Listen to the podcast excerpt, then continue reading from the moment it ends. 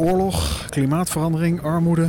Er spelen grote zaken in de wereld en menigeen voelt de behoefte om bij te dragen. Maar hoe doe je dat en waar doe je dat? En waar haal ik de tijd vandaan om dat te doen?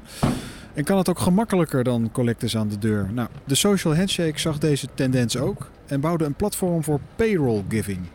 Via je salaris belastingvrij goede doelen steunen. Nobel en handig in één. Sandra van Beest is de oprichter en we ontmoeten haar thuis in Amsterdam. Dit is The Guide, een podcast waarin we met vrouwelijke ondernemers praten over alle facetten van ondernemerschap. Hoe kijken zij aan tegen kansen en uitdagingen? Hoe combineer je het dagelijks leven met ondernemerschap? Hoe groei je met je bedrijf en welke financiering past daarbij? En wat is voor hen de urgentie van social impact maken? The Guide is een podcast van ABN AMRO. Vandaag praten we met Sandra van Beest.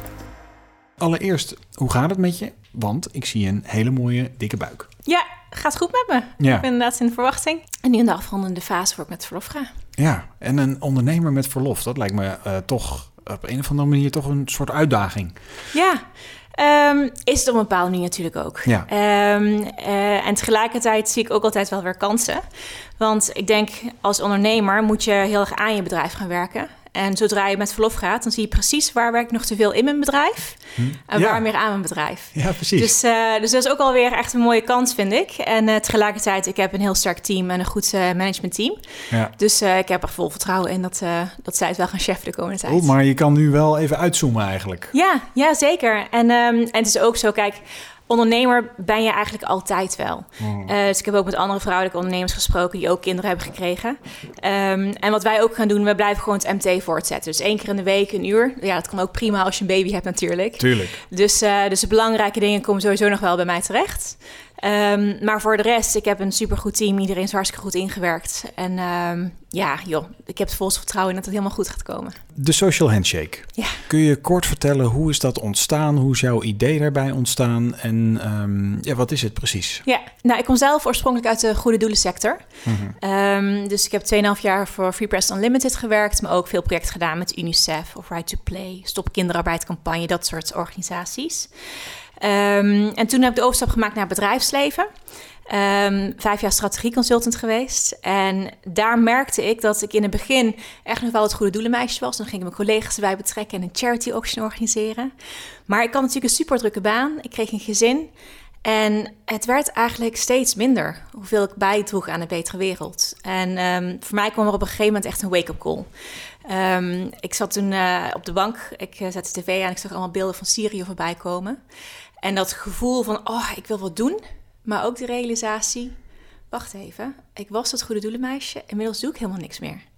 En dat vind ik best wel confronterend. Ehm, en daar ging ik over praten met mensen om me in het bedrijfsleven. En ik hoorde zo vaak terug van mensen, ach, dat heb ik ook. Ik wil ook graag meer doen, maar het komt er niet van. Weet je wel, het leven is druk. Maar zoveel mensen die graag meer willen doen. Ik dacht nou wacht, dan is er volgens mij enorm het potentieel. Want veel mensen willen meer bijdragen, maar het komt er niet van. En dan moet het gewoon een heel stuk makkelijker, laagdrempeliger maken voor mensen om bij te dragen aan een betere wereld. En er komt wat meer van terecht. Ja. Dus dat is ook het doel van de social handshake, goed hoe makkelijk maken. En inmiddels bieden wij nou ja, onder andere loongift aan, kerstgift, verschillende vormen van geven, direct vanaf je salaris bijvoorbeeld, of Ja. via de werkgever. Eh, zou je kunnen aangeven hoe groot eh, de Social Handshake dus nu is? Eh, we hebben een nieuw mannetje of tien die bij ons werken, Ehm, rond de 60 klanten. Ehm, maar we groeien op het moment ook best wel hard. Eh, gisteren hadden we bijvoorbeeld eh, twee kick-offs, dus twee nieuwe klanten. Ehm, en dat is ook wel de trend die we zien, dat steeds meer bedrijven eh, ook, ook secundaire arbeidsvoorwaarden Ja. aan de kant van purpose willen aanbieden. En is de huidige tijdsgeest ook een, eigenlijk een, eh, ja, eigenlijk een beetje cru gezegd, maar een soort kans voor jullie? Nou, eigenlijk, eigenlijk zien we daar twee kanten van. Ehm, want het is ook zo dat in Nederland veel mensen het nu moeilijk hebben. Ehm, dus er zijn ook mensen die gewoon wat minder te besteden hebben.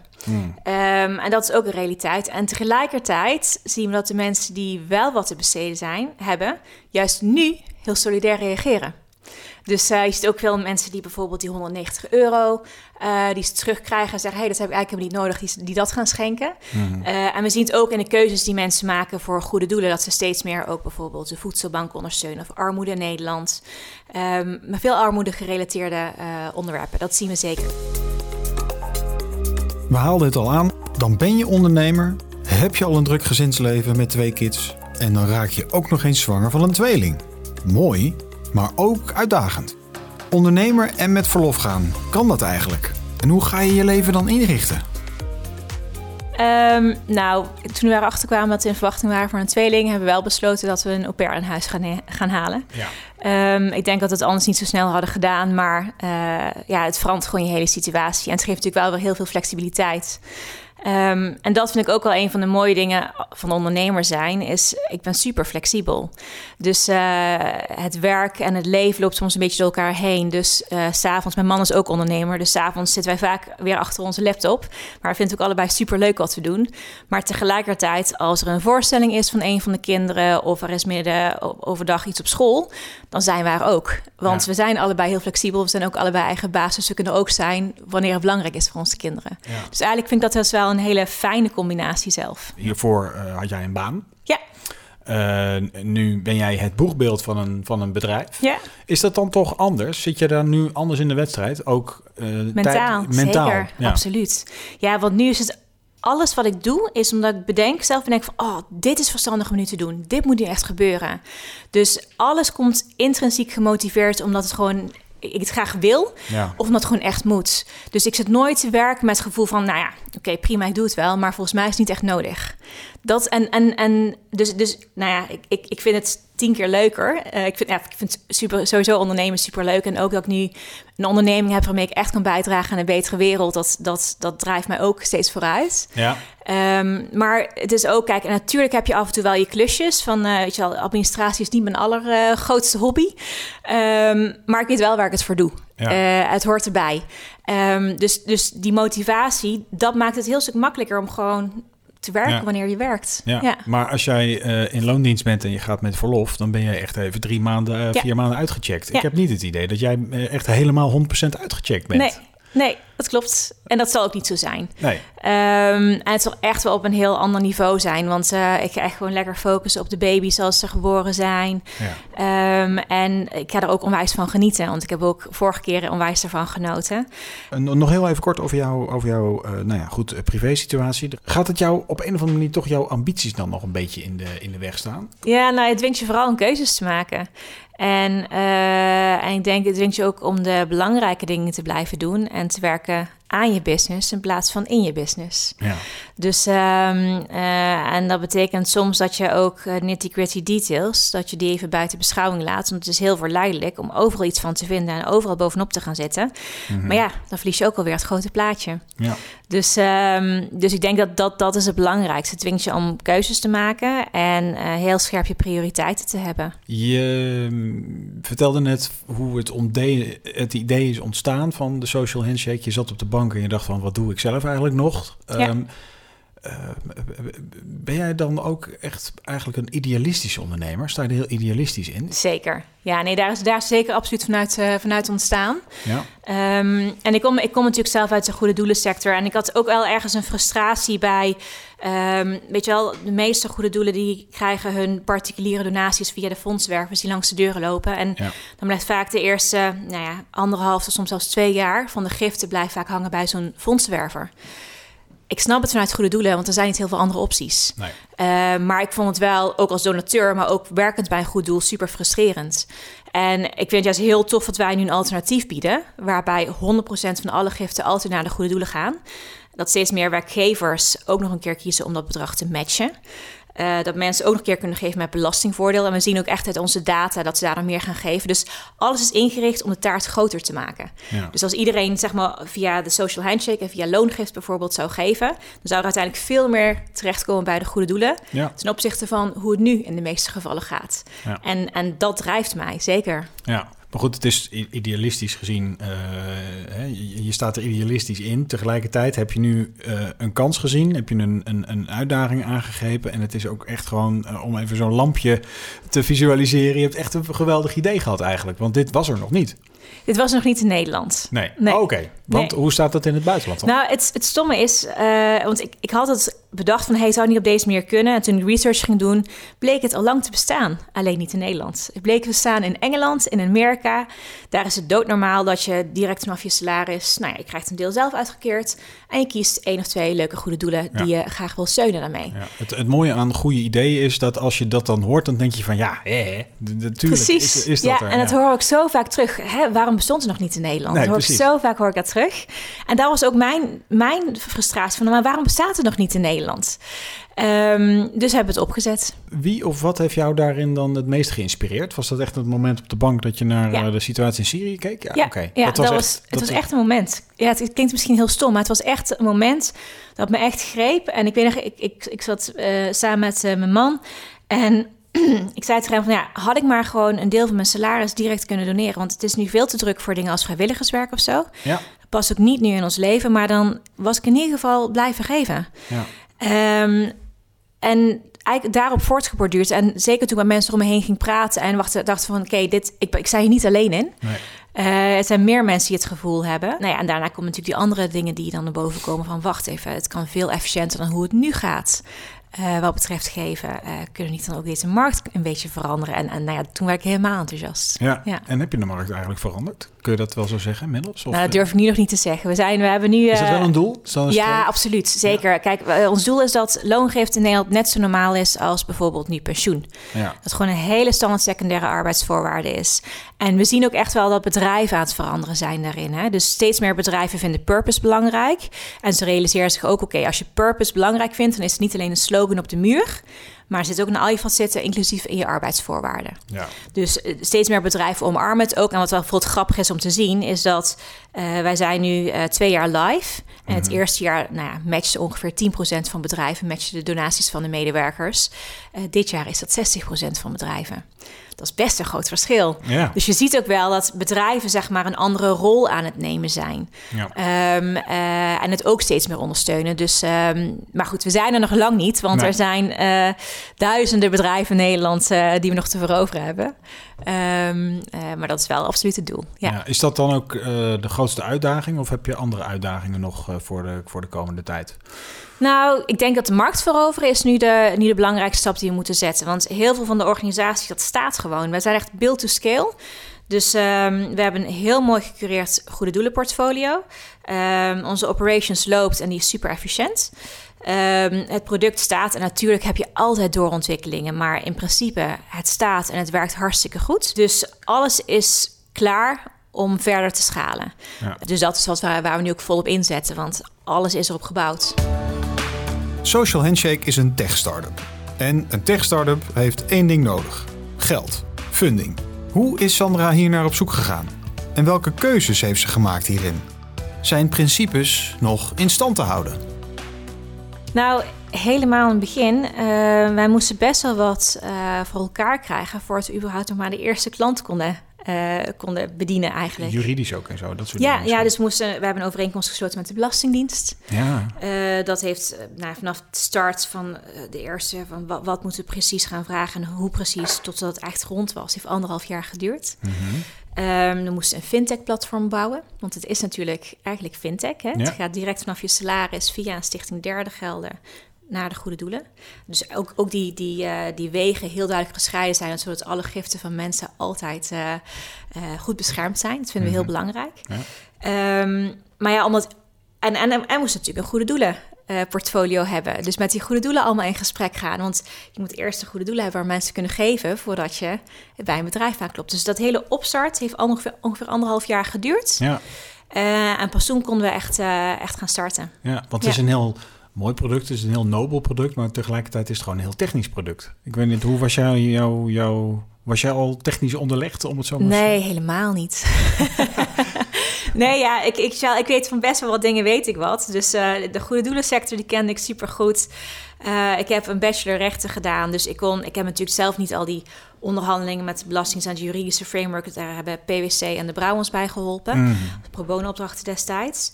Ehm, maar ik kon het wel allemaal goed begrijpen en kritische vragen daarover stellen. Aan de kant van operations, weet je wel, ook, dan gaan we ook eh, vragen bij andere ondernemers die vergelijkbare soortige eh, producten hebben. Van hey, hoe hebben jullie dat aangepakt? Hoe ziet het bij jullie uit? We zijn naar Engeland gaan kijken, hoe ziet het daar eruit? Ja. Dus veel onderdelen kon ik wel prima afkaderen. Ehm, eh, tech, zeg maar zo'n platform bouwen. Dat was voor mij ook een beetje een black box. Maar gelukkig heb ik goede mensen om me heen. Ja, En, ehm, belangrijk. Ja, dat is heel belangrijk. En we wisten ook wel, oké, we gaan niet meteen beginnen met alles in-house eh, bouwen. Maar we gaan gewoon goede partijen aanhaken voor de eerste pilot sessies. Ja. Inmiddels doen we in-house, maar uh, in het begin nog niet. Maar ja, ik had wel goede mensen om me heen die prima konden checken van oké, is dit een goed voorstel of niet? Uh, hoe zit het met de pricing? Doen ze hun werk goed? Uh, weet je wel, dus echt super goede adviseurs die ons daarbij konden helpen. Ja. Ja, en inmiddels hebben we natuurlijk ook gewoon tech-mensen in ons bedrijf. Tuurlijk, ja, snap ik. Uh, maar goed, die eerste anderhalf jaar is uh, onderzoek doen, kijken uh, welke kant je op gaat. Dan staat het op een gegeven moment, heb je het product, ga je ermee aan de slag. Ja. hoe ben je dan gegroeid? Hoe we gegroeid zijn? dat ging soms wel een beetje in golven. Dus um, uh, midden in de coronatijd vonden de meeste bedrijven niet het allerbeste moment om te starten. Ze waren allemaal bezig met thuiswerkers, thuiswerkvergoeding. Ze hadden even iets anders aan hun hoofd. Uh, dus dan zag je dat toen even nou ja, wat langzamer ging, wat voor ons best wel frustrerend was, want we waren net live. Ja. En toen zaten we midden in ja, die uh, coronadip. Maar daarna, toen ze weer eruit kwamen, Um, toen zagen dat de bedrijven die eerst hadden gezegd van ja, we vinden het echt wel interessant, maar ja, hè, corona, uh, we wachten nu even, dat ze wel weer kwamen aankloppen. Dus dat is wel heel tof om te merken dan, oh ja, het was niet alleen maar een excuus corona, maar ja. weet je wel, ze komen ook echt terug. Ja. Um, dus dat is wel heel tof. En, uh, en het zien we nog steeds wel een beetje. Soms zijn bepaalde seizoensinvloeden.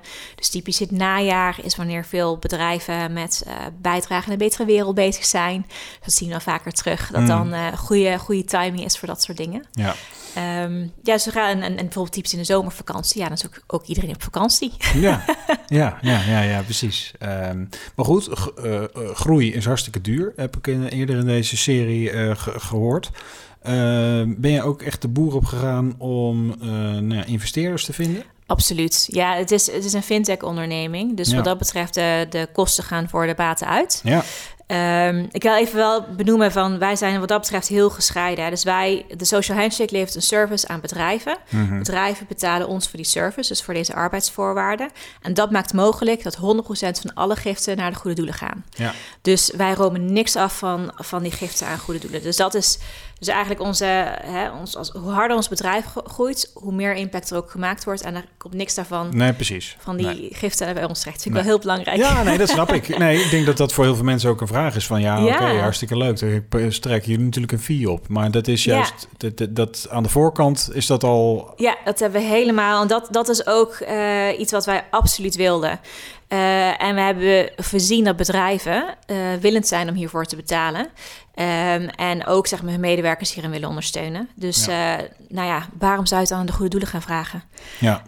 Um, en dan vaak is het ook, weet je veel mensen weten anders niet dat ze eigenlijk van hun eigen giften afgaat. Dat vind ik ook niet helemaal zuiver. Nee. Dus we dachten, we willen het super zuiver hebben. 100% van de giften naar goede doelen en bedrijf betalen. Ja, precies. Ja, nee, dus maar vervolgens, ja, die, dat eerste anderhalf jaar van het bouwen. Um, kijk, ik had eerst, eerst een eigen spaarpotje. Uh, om, om te kijken van, oké, okay, kan ik het van de grond gaan trekken en gaat het lukken om financiering op te halen, ja of nee? Daarna hebben we met financiering inderdaad, uh, hebben wij de volgende stappen gefinancierd. En is, was dat ook nieuw voor jou, dat hele spel? Want uh, je hebt nogal wat opties. Dus ja. ik, hoe, hoe ben jij daarin te werk gegaan? Ja. ja. Um, nou, helemaal in het begin, mijn, mijn zus is ook ondernemer. Ja. En zij had me verteld over ABN AMRO en Formal Investment Services. Uh, dus daar heb ik contact mee opgenomen. En uh, zij vonden het een, uh, een goed businessplan. Ja. dus mocht ik pitchen bij het Sustainability Pitch Event van ABN AMRO... met allemaal vermogenden in de zaal eigenlijk. Um, en daaruit bleek dat een aantal geïnteresseerd waren om in ons te investeren. Ja.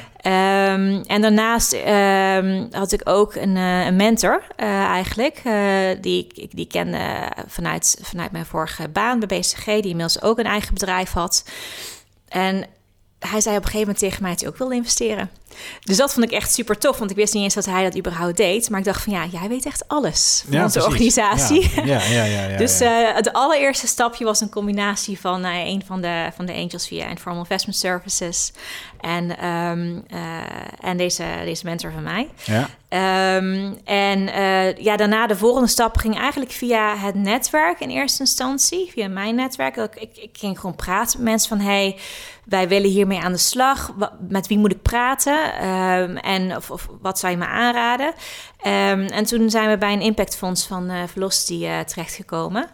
Ehm, en ik had eigenlijk niet eens met hun gesproken met het idee dat zij bij ons zouden investeren, maar meer met het idee van: hé, hey, uh, wij zijn fintech, jullie zijn een fintech VC. Hoe werkt het eigenlijk? Dat ik alvast kon oriënteren op de toekomst. Ja, ja. Um, dus dat was heel erg mooi natuurlijk, dat zij ook wel aangaven van: wow, dat vinden we echt heel gaaf en we willen daar graag aan meedoen. Dus dat, eigenlijk zijn die drie zijn onze eerste uh, investeerders bij elkaar geweest. Ja, precies. Um, nou is het zo natuurlijk dat je uh, als ondernemer die wil groeien, dan ben je gewoon heel erg, uh, heb je heel veel behoefte aan, aan centjes om door te groeien. Ja. Maar ik kan me ook zo voorstellen dat als jij, je staat er vrij idealistisch in, dat je vrij kritisch bent naar wie die investeerder Zeker. is. Hoe, ja. hoe is dat voor jou? Uh, nee, absoluut. Tuurlijk. Iemand heeft wel tegen mij gezegd, uh, je gaat een soort van huwelijk aan. Ja. Uh, nu hebben we inmiddels twintig investeerders aan boord. Ik heb niet met twintig een huwelijk. dat is een beetje Dat zou ik niet willen zeggen. Maar we hebben natuurlijk wel ook goed gekeken bij de volgende ronde van wie past bij ons, wat past bij ons. Um, en uh, we hebben net een, uh, of nou net, inmiddels ook al een flinke tijd geleden, hebben we een uh, wat grotere ronde gedaan. Ik ben super blij met, met de investeerders die eruit gekomen zijn. Dus er is ook een bedrijfsparticipatie bijgekomen mm -hmm. van Jax. Um, mega snel groeiend bedrijf uit Rotterdam. en nou ja, dat helpt ons natuurlijk ook met onze groeiambities. Ja. Zij kunnen als het beste groeien. Nou, kom maar op. Weet je wel, laat het samen doen. En ik merk ook gewoon dat het een goede klik is. Um, en dat zijn wel dingen die echt belangrijk zijn. Weet je wel, dat je ook gewoon echt bij elkaar terecht kunt. En dat je echt open over dingen kunt praten met elkaar. Um, en daarnaast hebben we ook een, een groep van angel investors. Ook heel bewust eigenlijk, want ik merkte, ik had zoveel leuke gesprekken met mensen die ook aangaven wat ze wilden meedoen. Ik dacht van ja, dit zijn mensen die zijn, die, die, die komen bijvoorbeeld uit de HR. Uh, eh, ja, dat, wij spreken vaak met de HR-mensen of die komen uit de impact scene. Dat zijn natuurlijk super relevante adviseurs en uh, daar kunnen we gewoon heel veel aan hebben. Dus uiteindelijk hebben we een mooie combinatie van een groep met angels, um, een bedrijfsparticipatie, uh, een impactfonds eigenlijk twee impactfondsen zijn nog bijgekomen. Ja. Dus uiteindelijk hebben we een hele mooie combinatie daarvan. Is het voor een vrouw anders om financiering los te peuteren? Heb jij moeilijke gesprekken met investeerders gehad? Of, uh... Nou, ik denk sowieso dat het reëel is om te zeggen: ja, het is voor een vrouw anders. Als vrouw heb je vijf keer zo weinig kans eigenlijk om financiering te krijgen. Waarom?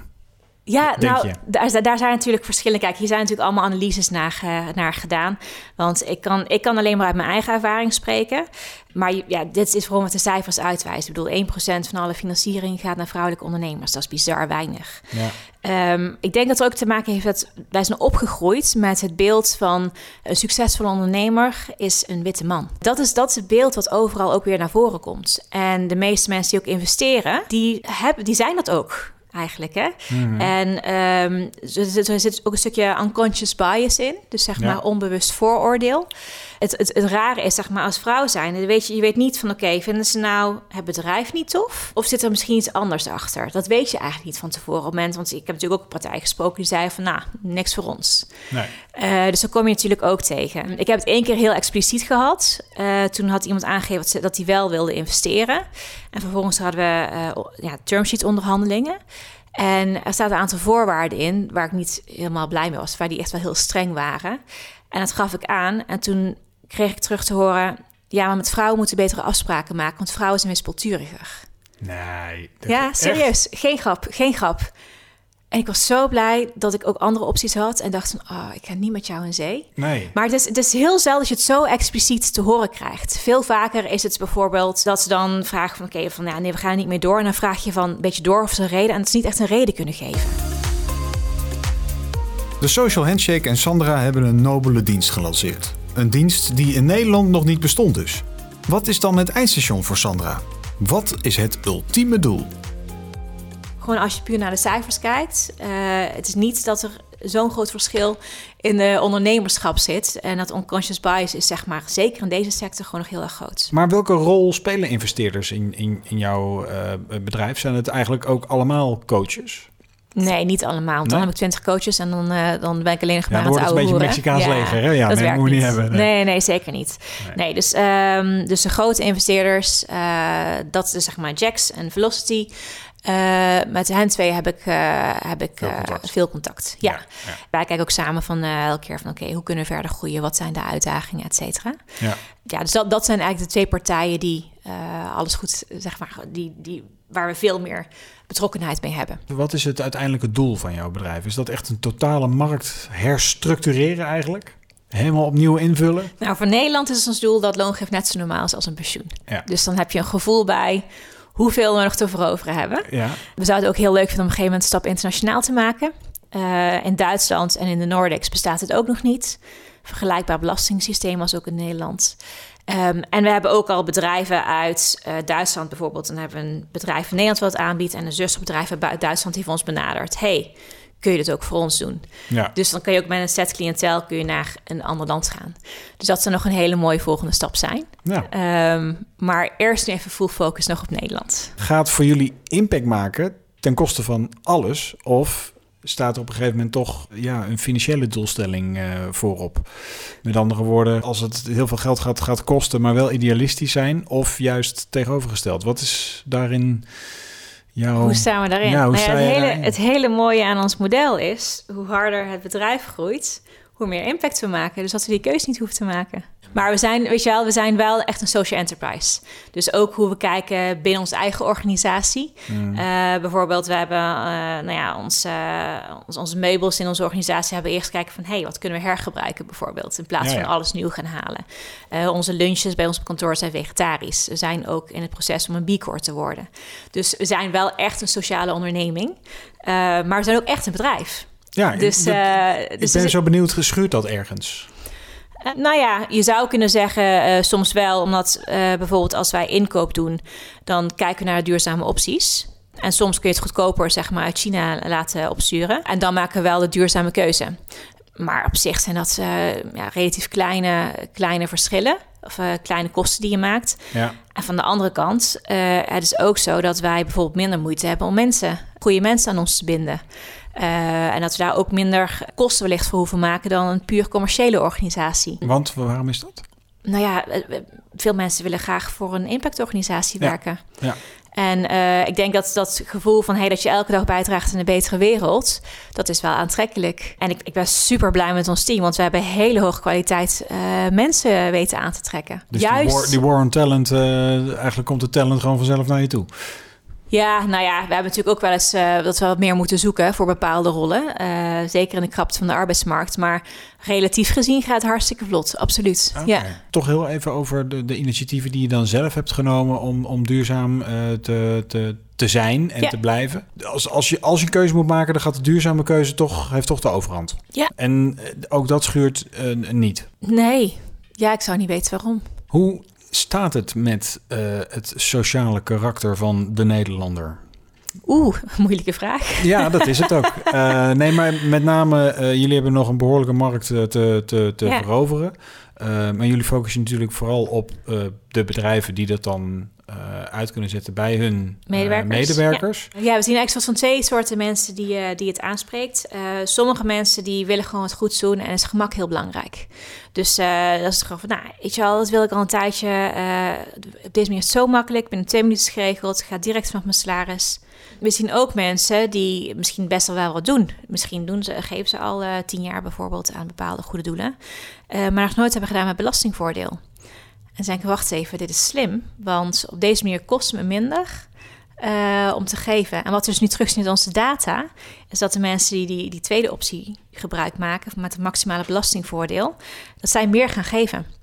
Uh, dus dat vind ik ook wel heel erg tof. Dus je hebt eigenlijk dus die twee smaken. Sommige die echt voor het gemak gaan. Ja. En sommige die echt meer voor die impact en het belastingvoordeel... waardoor ze dan uiteindelijk meer gaan geven gaan. Ja, dus precies. dat zijn twee verschillende groepen mensen die het aanspreekt. Ik merk een beetje aan jou dat jij, je staat er echt zelf ook echt in die, uh, idealistisch in. Betekent dat ook dat uh, in jouw dagelijks leven duurzaamheid de boventoond wordt? Zeker. Dus, als je een keuze moet maken, is het al altijd de duurzame optie? Ja, uh, meestal. Ik bedoel, ik ben niet uh, roomser dan de paus, absoluut niet. Um, en ik denk ook, kijk, vaak wordt dingen ook wel benoemd als hypocriet. Hè? Dus uh, als mensen bepaalde dingen doen, bepaalde dingen, duurzame dingen doen en andere duurzame dingen niet doen, oh, dan is het hypocriet. Nou ja, volgens mij de enige die ongeveer een engel daarin is, is Greta Thunberg. en voor de rest is dat heel erg lastig. Dus ik geloof heel erg in gemak. Dus op het moment dat je uh, bij de supermarkt uh, ook vegetarische kipblokjes hebt die lekker smaken, dan gaan opeens veel mensen die vegetarische kipblokjes pakken. Als het vervolgens ook nog een keer, nou eerst was het nog duurder, toen kochten we die dingen wel al. Als het ook nog een keer even duur is of zelfs goedkoper, wat logisch is, dan gaan nog meer mensen die keuzes maken. Ja. Dus uh, hoe makkelijker het is om bij te dragen aan een betere wereld, hoe meer mensen gaan deelnemen. En dat geldt eigenlijk ook voor ons. Ik heb uh, eigenlijk altijd uh, nog een slotvraag aan iedere ondernemer. En dat is: wat is de belangrijkste tip die je kunt geven aan andere vrouwelijke ondernemers die ook door willen groeien? Nou ja, het ligt er een beetje op welk vlak. Want er zijn natuurlijk uh, verschillende vlakken waarop je, waarop je tips zou kunnen willen hebben. Uh, maar wat betreft uh, financiering, um, zou ik zeggen, maak optimaal gebruik van je netwerk. Zeg tegen iedereen dat je financiering zoekt en vraag van... hey, met wie zou ik moeten praten? dat heeft mij en ons enorm geholpen. Ja. Um, want zo kom je bij mensen terecht die nou ja, die, waar, je, waar je van tevoren al een klik mee hebt. Omdat je mensen in je direct netwerk zij weten wel van, oh, maar wacht even, deze persoon uh, die zit in fintech, maar eigenlijk vindt hij effectief altruïsme super gaaf en moet je echt een keer mee gaan praten. Dat zou echt een goede klik zijn. En vaak, vaak kennen de mensen die je bedrijf en jou kennen, die weten ook wel van wat zijn nou goede partijen die echt bij jullie zouden passen.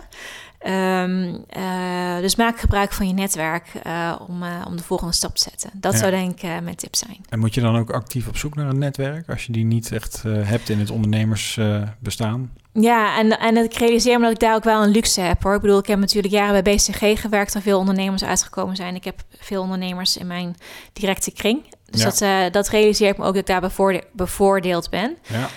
Um, maar ik weet ook dat je netwerk is niet alleen de mensen die je zelf kent, maar ook de mensen uh, die zij weer kennen. En uh, zo kom je ook elke keer stappen verder. Dus um, ik heb ook bijvoorbeeld investeerders nu die, zeg maar, dat, dat, dat, waar vier linkjes tussen hebben gezeten. weet je wel, dat iemand was die ik kende, die wist dat wij aan het financieren, die heeft mij iemand anders voorgesteld. Die vond het tof en zei van, oh, je moet ook echt een keertje met deze persoon praten. En zo wordt je netwerk vanzelf ook weer uh, groter. Um, en het hoeft niet altijd meteen met een vraag van financiering te zijn. Ik kan ook gewoon een kopje koffie drinken. Ja. Van um, uh, om advies vragen. Ze zeggen soms wel eens, als je vraagt je om advies, dan krijg je, krijg je funding. Vraag je om funding, krijg je advies. Ja. Uh, voor mij is dat in sommige gevallen wel echt zo geweest.